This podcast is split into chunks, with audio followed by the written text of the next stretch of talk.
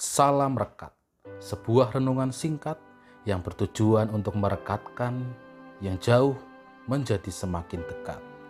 Rekat dari Kamis 1 April 2021 diberi judul KTP Kartu Tanda Penyelamatan.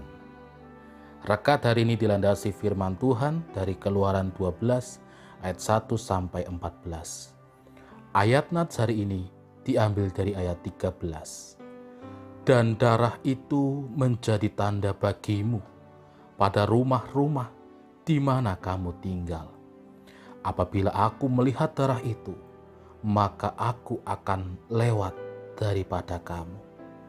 Jadi tidak akan ada tulah kemusnahan di tengah-tengah kamu apabila aku menghukum tanah Mesir. Demikianlah firman Tuhan. Berbahagialah setiap kita yang mendengarkan firman Tuhan dan memeliharanya. Hosana. Setiap kita pasti memiliki KTP, yaitu kartu tanda penduduk. Di mana dari kartu tersebut kita memiliki identitas. Siapa kita, siapa nama kita, kapan tanggal lahir kita, di mana rumah kita, dan apa agama kita. Di situ memperlihatkan tentang identitas kita secara jelas.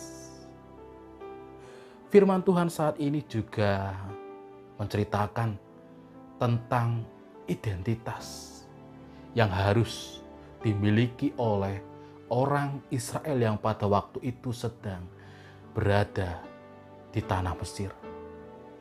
Tanda identitas itu berupa darah yang harus dioleskan di ambang pintu tiap-tiap rumah bangsa Israel.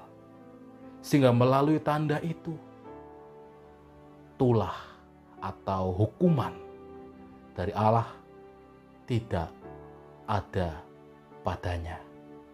Tulah Allah tidak masuk di rumah umat Israel.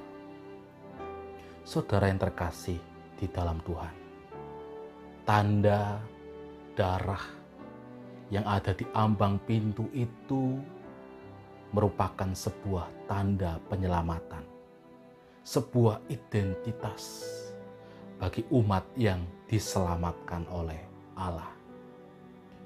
Kita pun saat ini juga telah memiliki identitas yang jelas kita telah memilih KTP, bukan lagi kartu tanda penduduk, tetapi kartu tanda penyelamatan yang ada di dalam diri kita masing-masing melalui darah Kristus yang telah dikorbankan untuk menebus dosa saya dan saudara.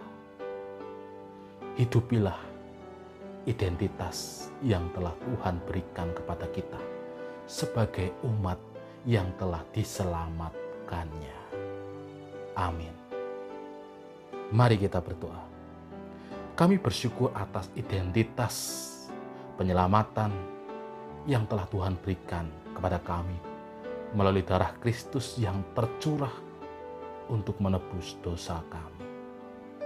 Mampukan kami ya Tuhan untuk menghidupi darah Kristus yang ada pada kami. Amin. Saya Pendeta Samuel Prayogo dari GKJ Banyumanik Semarang.